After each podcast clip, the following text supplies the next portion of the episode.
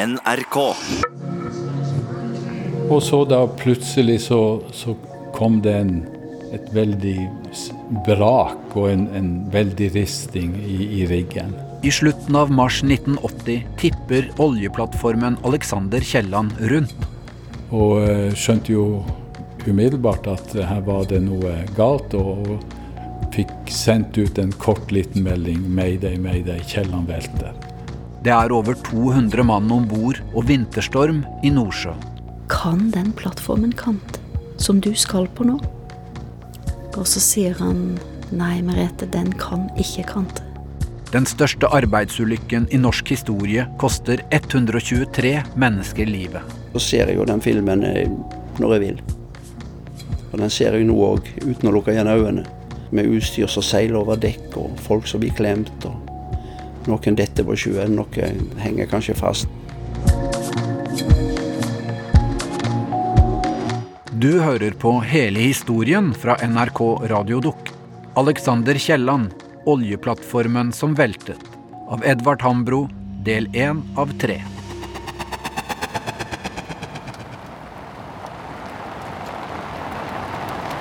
Og rett før ulykka, rett før min far reiste ut, så kjørte vi en gammel Opel Kadett. En sånn gullfava. I 1980 er Merete Haslund 13 år gammel. Faren hennes heter Fredrik Haslund og skal dra ut på jobb på plattformen Alexander Kielland. Og så måtte vi gå et lite stykke opp på en sånn gressplen. Og når vi gikk opp på den gressplenen, så tok jeg min far i handa.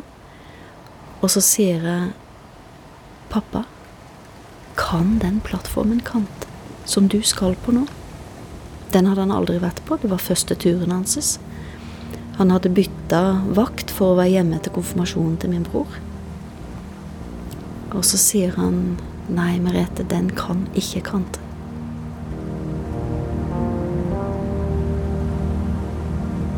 I mars 1980 ligger Alexander Kielland-plattformen på Ekofiskfeltet. Det er i ytterkant av norsk sokkel, så den ligger omtrent midt mellom Danmark og England. Det er ni år siden statsminister Trygve Bratteli erklærte det norske oljeeventyret for åpnet. Denne dagen kan bli en merkedag i vår økonomiske historie. Da Ekofiskfeltet ble oppdaget for om lag ett og et halvt år siden, Arbeidet i Nordsjøen starta jo noen år før jeg begynte. Jeg begynte i 79. Anders Helligsen er 20 år og bor på Alexander Kielland-plattformen, som kun brukes som bolig. Han jobber på Abushell Alfa-plattformen og flyr helikopter frem og tilbake. Det tar bare fem-ti minutter. Jeg jobba jo på en plattform som heter Abushell Alfa, men pendla da mellom Alexander Kielland og, og Alfa. Og den standarden vi hadde om bord på, på Kielland i forhold til dagens standard i Nordsjøen, så er jo det Boligkvartera i dag er jo som de fineste hotella her i Oslo. Altså Kielland var jo en borerigg som var bygd om til eh, boligkvarter.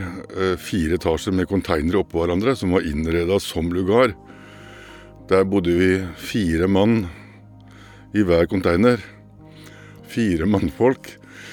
Eh, Noen kanskje med litt dårligere hygiene enn andre, og skulle da tilbringe resten av døgnet der inne med de lyder og alt det som kom. eh, Så kan du forestille deg hvordan standarden var, eh, var på den tida, i 79-80.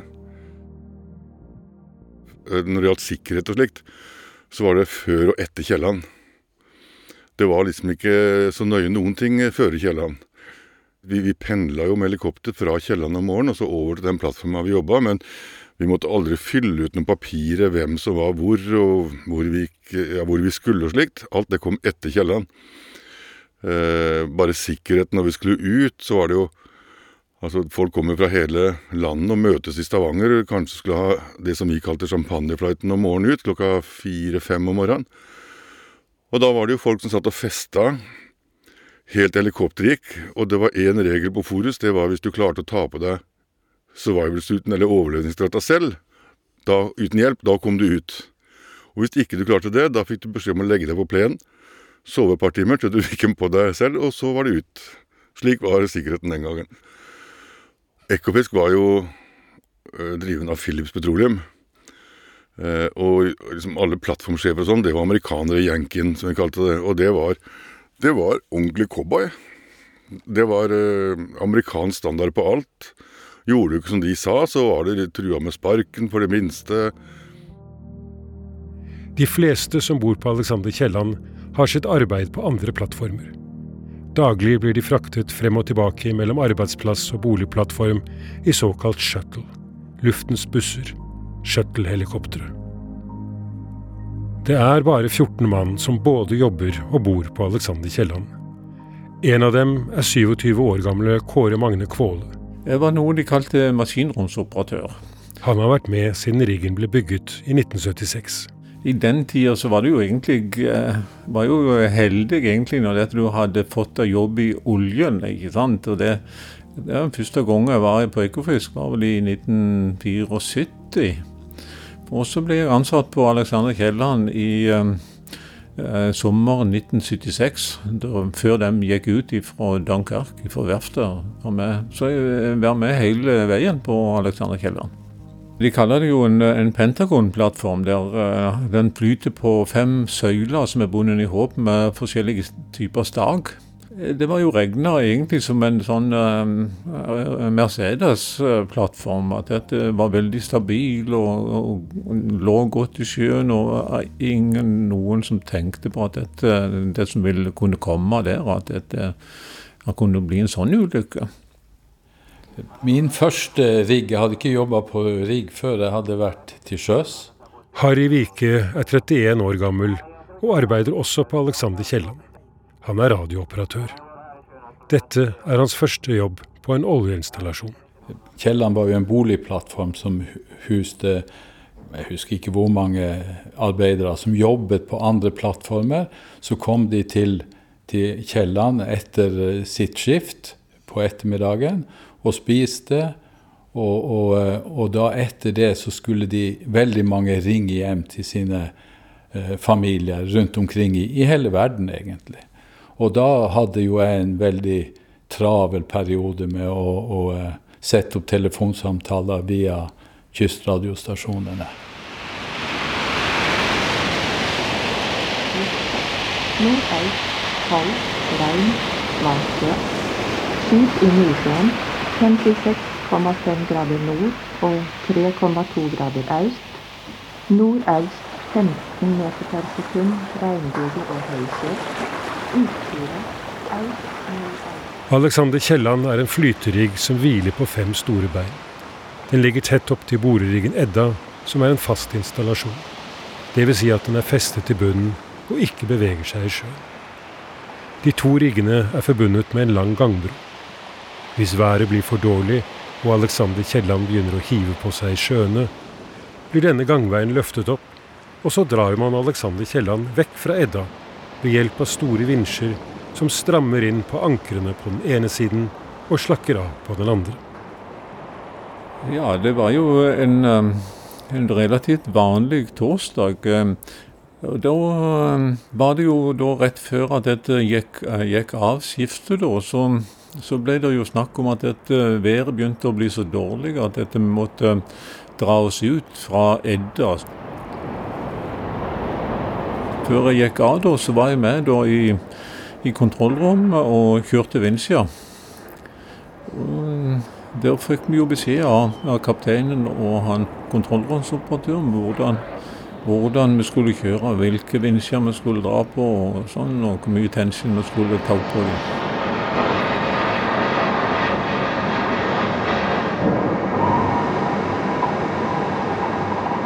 Dagen begynte med at det var tåke, og vi kom, kom oss ikke ut. Vi skulle skjøtle over til der, der vi jobba på forskjellige plattformer.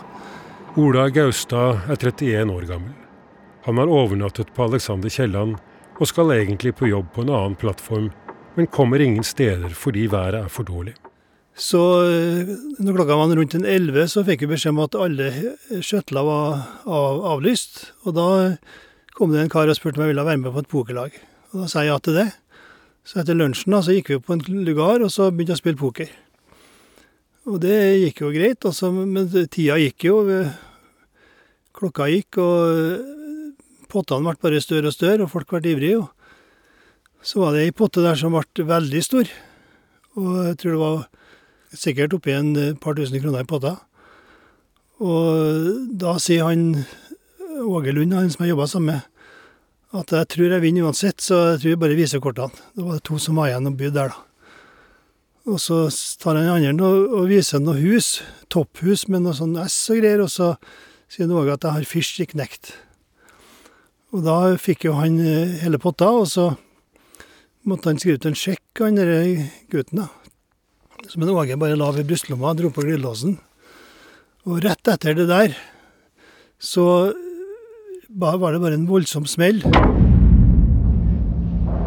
Og, så Vi skjønte ikke helt hva det var, og så bekka plattforma ganske sånn brått. Men eh, ned til hva skal jeg si, 45 graders vinkel. Det bare la seg liksom helt på sida, og så stoppa der. Og eh, jeg fikk jo bordet over meg. Pengene kom jo rausende, og kortene og alt sammen. Og alt sammen liksom spratt opp. Og kom seg bortover og fikk ei sånn livbelte da, som lå på skapene der. Og jeg hadde ikke vært så lenge siden at jeg har vært på en sånn øvelse med, med drakt. Så inni skapene, selv om det ikke var min lugar, så hang jo drakter, sånne overlevelsesdrakter. Og da tenkte jeg at jeg tar en sånn en, for jeg vet ikke hva som skjer her. Lyset gikk jo. Alt elektrisk lys forsvant, også nødlys. Alle forstår at det er alvorlig, men ingen vet helt hva som skjer. Det som hadde skjedd, var at det ene staget som holder det ene beinet på plass, er røket. Uten skikkelig forankring til riggen vil det ikke ta lang tid før dette beinet brekker helt av og løsner fra Alexander Kielland. Etter den middagen, som da var ca. seks, så, så, begynte det jo en, en, kino da, i kinosalen som lå eh, vegg i vegg med kantina. Nei, så eh, etter en stund da, så, så begynte det Plutselig kom der en smell, og du kjente det rista i hele plattformen.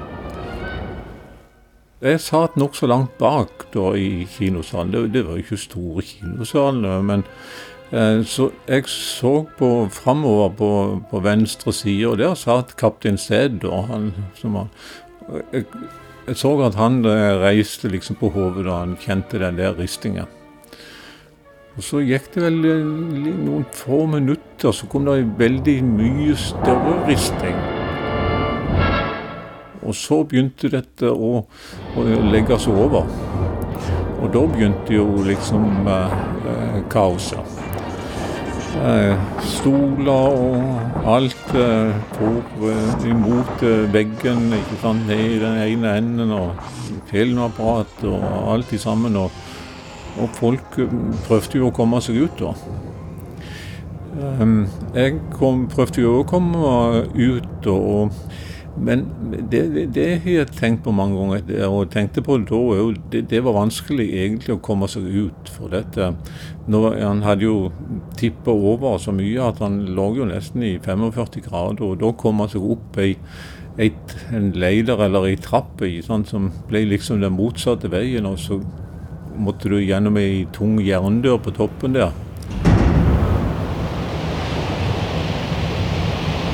Men vi kom da ut, da og gikk oppover, eh, oppover eh, gangveien på utsida til det kom til der jeg hadde den min vi kaller det min livbåt, som var livbåt nummer fem.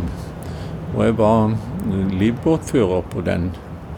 Og der sto der uh, noen folk uh, da kom opp der. og Noen snudde seg rundt oss, og så du liksom at den andre enden av plattformen lå under vann, og konteineren seilte nedover. Og folk eh, ja, dro seg oppover mot det punktet der vi var, som var ganske høyt. Da. Selv med bare fire bein skal Alexander Kielland kunne holde seg flytende. Men riggen er under ombygging, så mange luker og skott står åpne. Det fører til at vann kan fosse fritt inn mange steder. Montør Anders Helligsen glemmer ikke så lett det han nå opplever.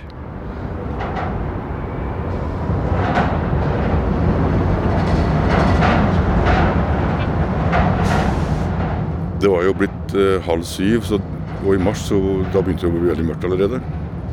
Og det blåste jo forferdelig, eh, og det bråka ja, helt forferdelig.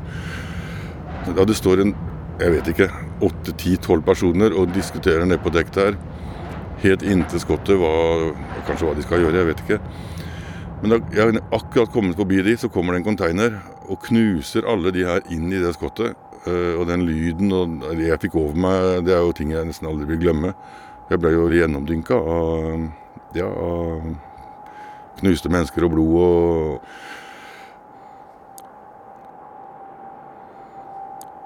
Uh, og da blir jeg jo uh, litt uh, engstelig og tenker på klarer jeg å komme meg helt opp til det høyeste punktet. Så jeg bestemmer meg for nei, jeg skal komme meg ned. For jeg så en livbåt liggende ved et annet skaft. Og der så jeg også en kollega fra Albertskjell Alfa. Så jeg skal komme ned dit.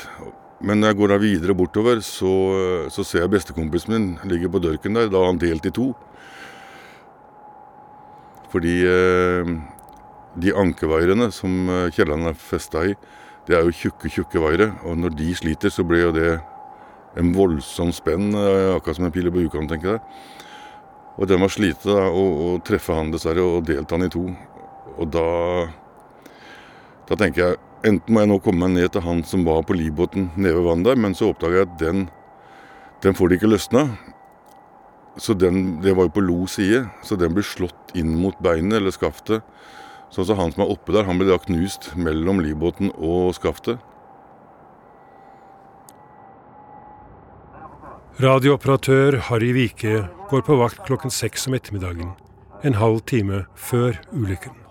Når vakta kom, så begynte jeg å jobbe med de vanlige oppgavene. Stort sett å sette opp samtaler for, for folk som var, var om bord.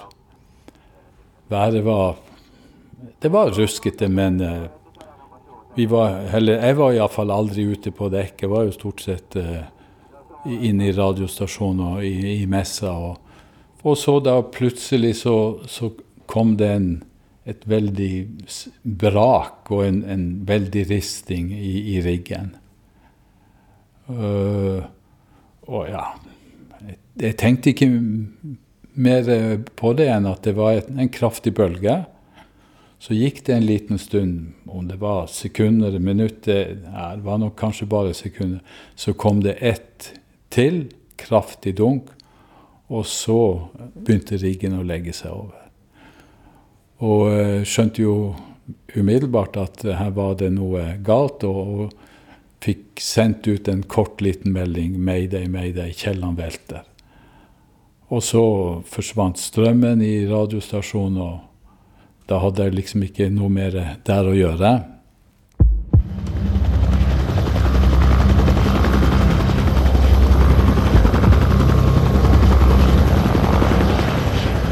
Nødmeldingen Vike sender ut, blir fanget opp av både plattformer, helikoptre og Sola redningssentral. Knut Jørgen Hegle er kaptein på et helikopter som akkurat nå befinner seg på riggen Elfisk Bravo. Eh, og så mener jeg at eh, vi hadde akkurat tatt av passasjerer. Og så mens vi da sto på dekk på Elfisk Bravo, så hørte vi bare noen som kalte Mayday. Og så spurte jeg, spurte jeg senteret om eh, hva det var for noe. Senteret som Hegle refererer til, er Ekofisk-senteret. Herfra styres alle de forskjellige riggene i det som er verdens største oljefelt til havs. Og så sier de det vet vi ikke, men vi har en peiling. Eh, de kan jo ta radiopeiling og se hvor signalet kommer fra. Og det kommer fra Edda Kielland-området. Men vi har mista kontakten, så vi vil at dere drar opp dit med en gang og så ser hva som har skjedd. Og da klappa vi jo bare igjen dørene, og så dro vi med en gang.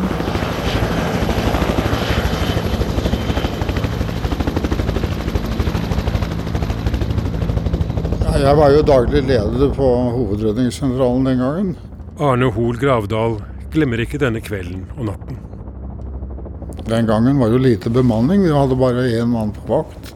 Og øh, han fikk jo da nødmeldingen fra Ekofisk-feltet. Og fikk jo da allerede beskjed om at eh, skipstrafikken i området var jo da varslet fra, fra Ekofisk. Det han gjorde da, etter vanlige rutiner, det var å slå full katastrofealarm. Og det innebar jo da selvfølgelig at helikoptrene ble satt på beredskap her på Sola. Eh, sykehuset, politi ble satt i beredskap. Naboredningssentralen i Nordsjøen ble også satt i beredskap. Og i tillegg ble jo skipsfarten i området varslet på nytt i, i Nordsjøen.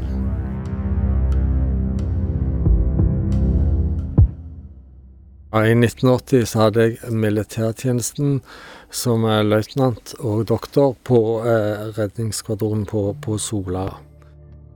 Når alarmen går, kaster Svein Arne Hapnes seg inn i bilen. Han jobber som lege på Sea helikopteret som har base på Sola. Jeg var ferdig med utsjekken min til dette 15. mars, og hadde ikke hatt noen vakter før, før den, den 27. mars, når, når dette inntraff. Så, og jeg hadde ikke vakt den dagen heller, men da ble det slått såkalt klar stasjon, og alle mannskapene ble kalt inn, og da ble bemanna et helikopter til og en, en Sea King til, og der var undertegnede med. Så det var altså mitt første reelle Sea King-oppdrag alarm, så vidt jeg husker, gikk alarmen fem på halv sju om kvelden.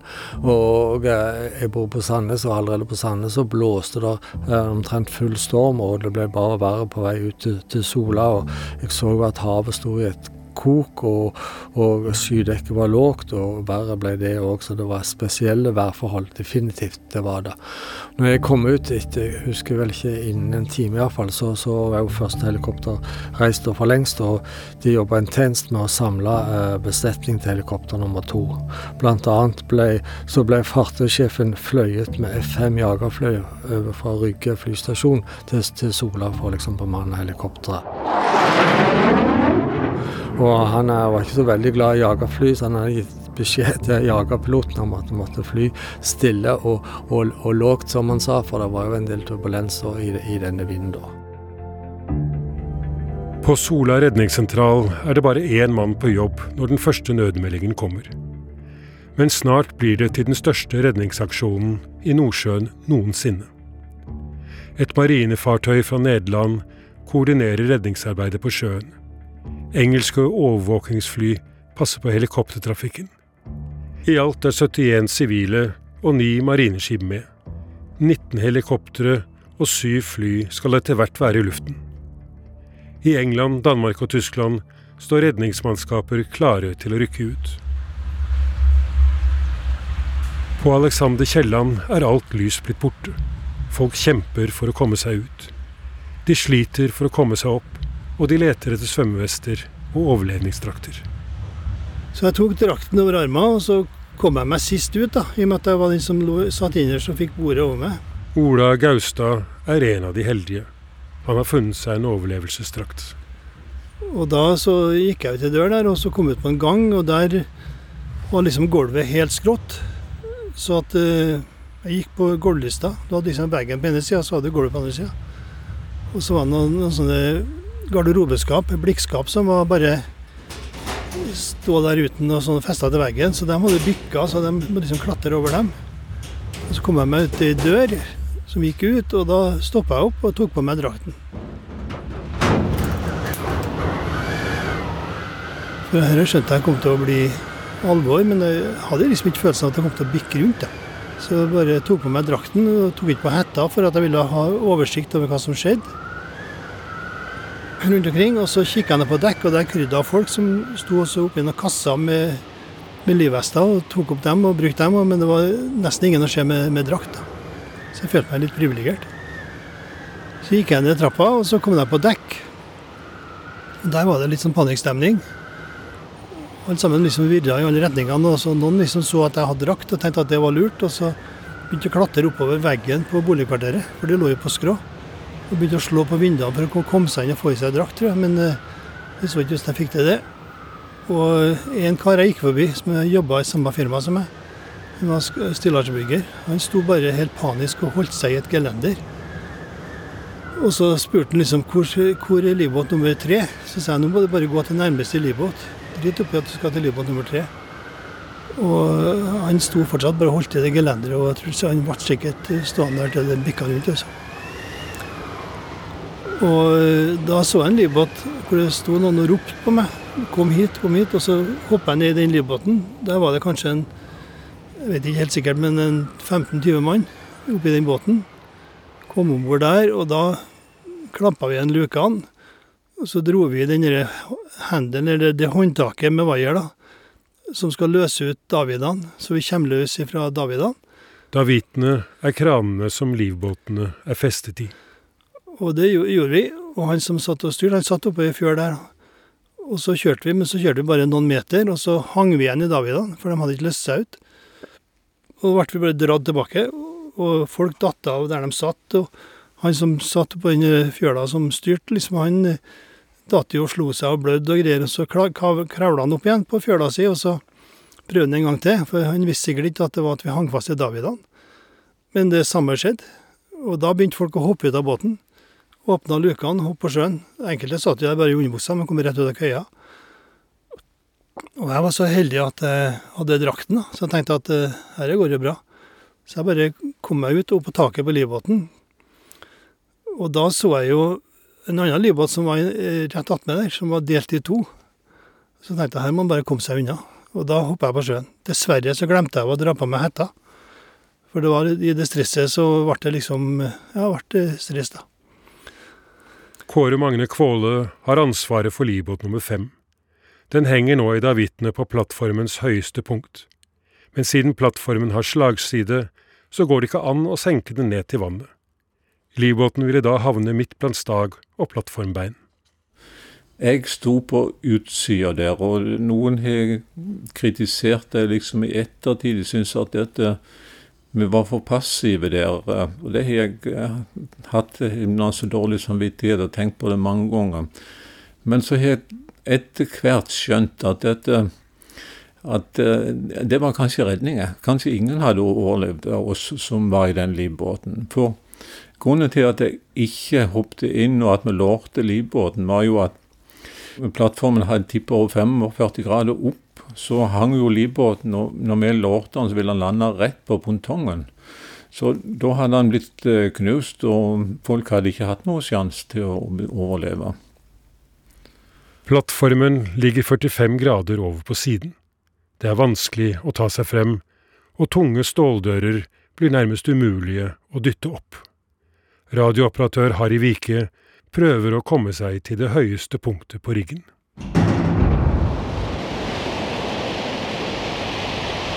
Det var tung, tung den døra, for riggen hella sånn at det var ikke bare bare å få opp ei svær, svær sånn ståldør.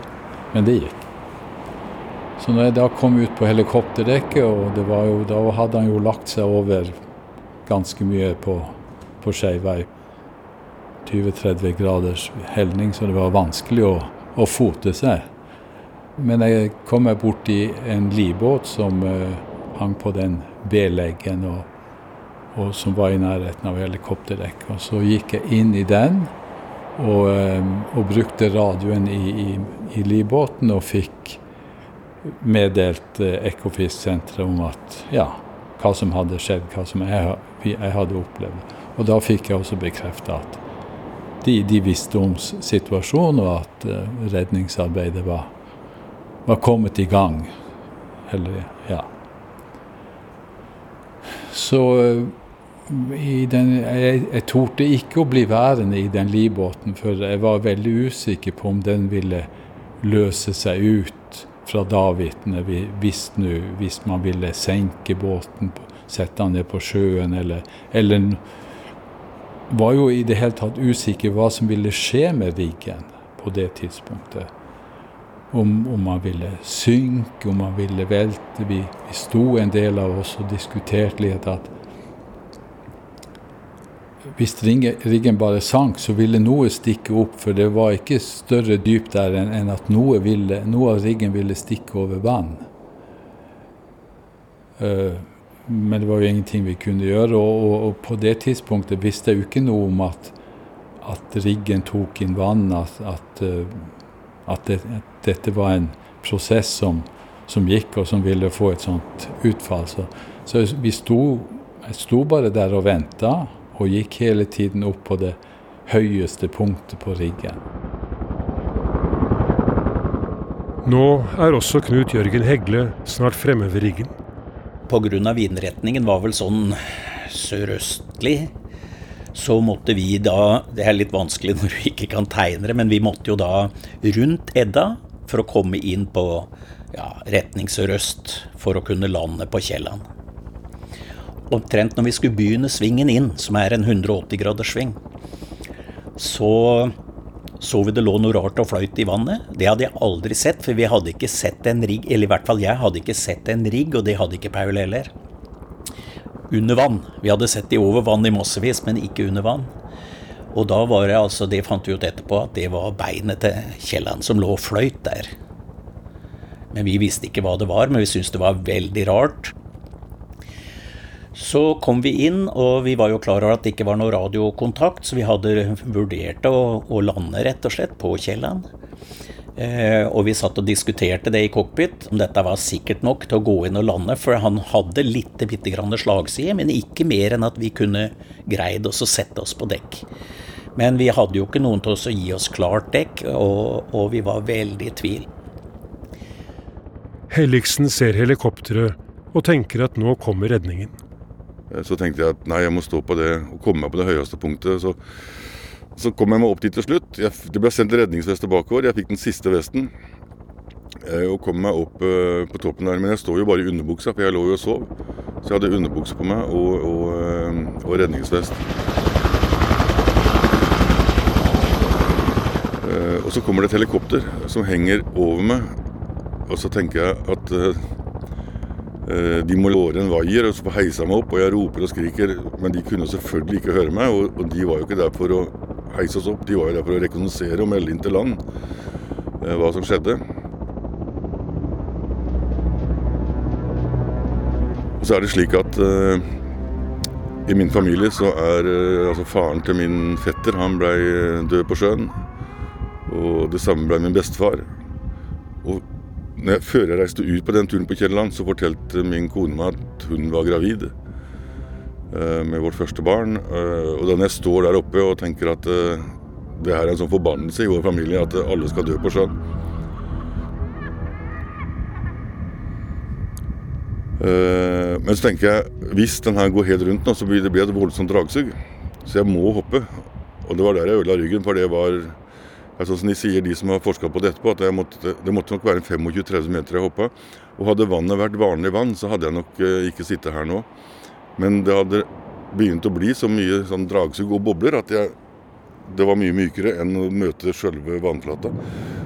Så jeg kommer ned i vannet, men jeg bare forsvinner nedover, i, for det var ikke noe motstand. Langt, langt under her, og så kommer motstanden, og redningsvesten tar meg opp igjen i en rekordfart.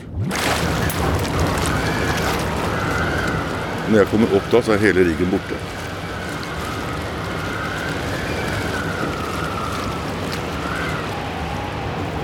Harry Vike står sammen med noen andre ved en av livbåtene. De vet ikke hva som er best å gjøre. Og vi diskuterte litt om hva som ville skje, og mine tanker gikk jo selvfølgelig til familien. Og jeg hadde en sønn på tre måneder og ja, tenkte at nå blir jeg Grete alene med, med han Steinar. Så det gikk jo en del tid i etterkant av å ha funnet ut at det var en 15-20 minutter. Så ja, sank eller tippa riggen. Og jeg ble ja, Om jeg hoppet eller bare ramlet ut av, det vet jeg ikke. Men jeg havna iallfall i vannet, og hele denne konstruksjonen kom etter, og, og jeg, jeg, ble da tatt av dragsuget ned i og, og, ble dratt ganske langt ned. Men jeg hadde ikke noe problem med trykk eller noe sånt. Jeg svelgte en del vann. Og så pga. vesten så kom jeg jo heldigvis opp igjen. Og, men det jeg tenkte mest på når jeg ble dratt ned, det var å ikke bli hekta fast i et eller annet. Det ville jo vært katastrofalt. Noen ligger alt i sjøen. Kåre Magne Kvåle er om bord i livbåten, men er fremdeles usikker på om det er lurt å prøve å få den på vannet. Det er langt ned.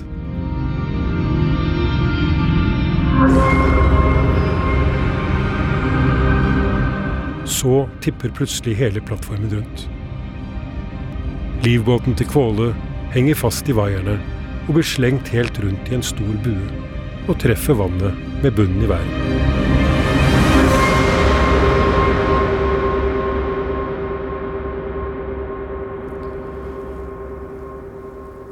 Og da gikk plattformen rundt. Og det var en utrolig følelse, vet du. Visste ikke hva som skjedde. vet du. Det, det var bare å holde seg fast. Og, og plutselig så liksom stoppet denne bevegelsen. Og, og da har jeg liksom i ettertid sett at uh, livbåten ble løst ut ifra krokene, og plattformen gikk under. Plutselig kjente du nå går og nå tipper det. Så den svevkorven var jo rimelig lang. Den føltes ganske lang, altså. Men da, da hang du jo i et eller annet røyr eller noe sånt inne i livbåten. Inntil det stoppet. Når det, han landet på, på sjøen. Så det var det, fantastisk flaks, altså. Det, det, er nesten som et under. altså det, er så små marginer i det der. Men det er nå det som skjedde. Så nå var det bare sånn at uh, det var ikke vår tid den gangen.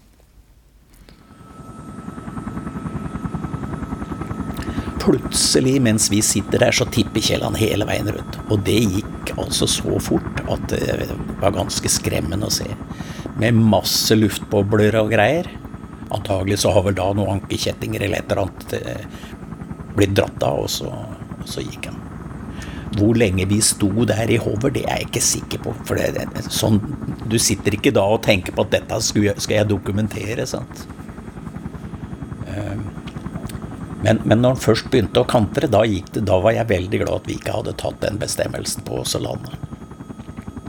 Noe som jeg har tenkt på i mange mange år etterpå, det var at jeg visste det hadde dette skjedd en halvtime seinere, så hadde vi sittet om bord og spist middag på Kjelen. Det er jeg helt sikker på. For det var vanlig rutine. Ola Gaustad ser ikke at plattformen tipper helt rundt, men han får med seg at riggen er borte. Og da så la jeg meg på ryggen og begynte å svømme bort ifra, ifra det der. Og så snudde jeg meg for å se tilbake, og da var plattforma tippa rundt akkurat i det vasset. Og Da, det som var rart, jeg, jeg så ikke noen plattform i det hele tatt. Det så ut som kjellene var borte. Det var de punktungene, de, bunn, beina, på beina som stakk opp. Og Det hadde ikke jeg sett før, så jeg skjønte ikke hvor det ble av den plattforma. Så jeg kikka bare. Og, men jeg måtte bare glemme det. Og så, da så jeg jo folk lå rundt meg. Enkelte var jo, lå jo med ryggen i været òg. Så jeg skjønte at her er det alvor.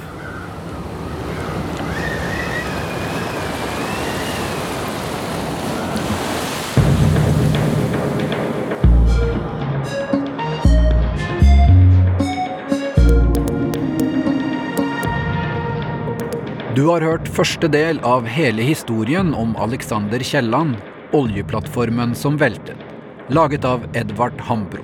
Lyddesign Kjetil Hansen og konsulent Kjetil Saugestad. Følg historien videre. Prøv å heve ut et tau til han, og jeg bare lette etter et tau og fant det tauet. Da, da var han borte.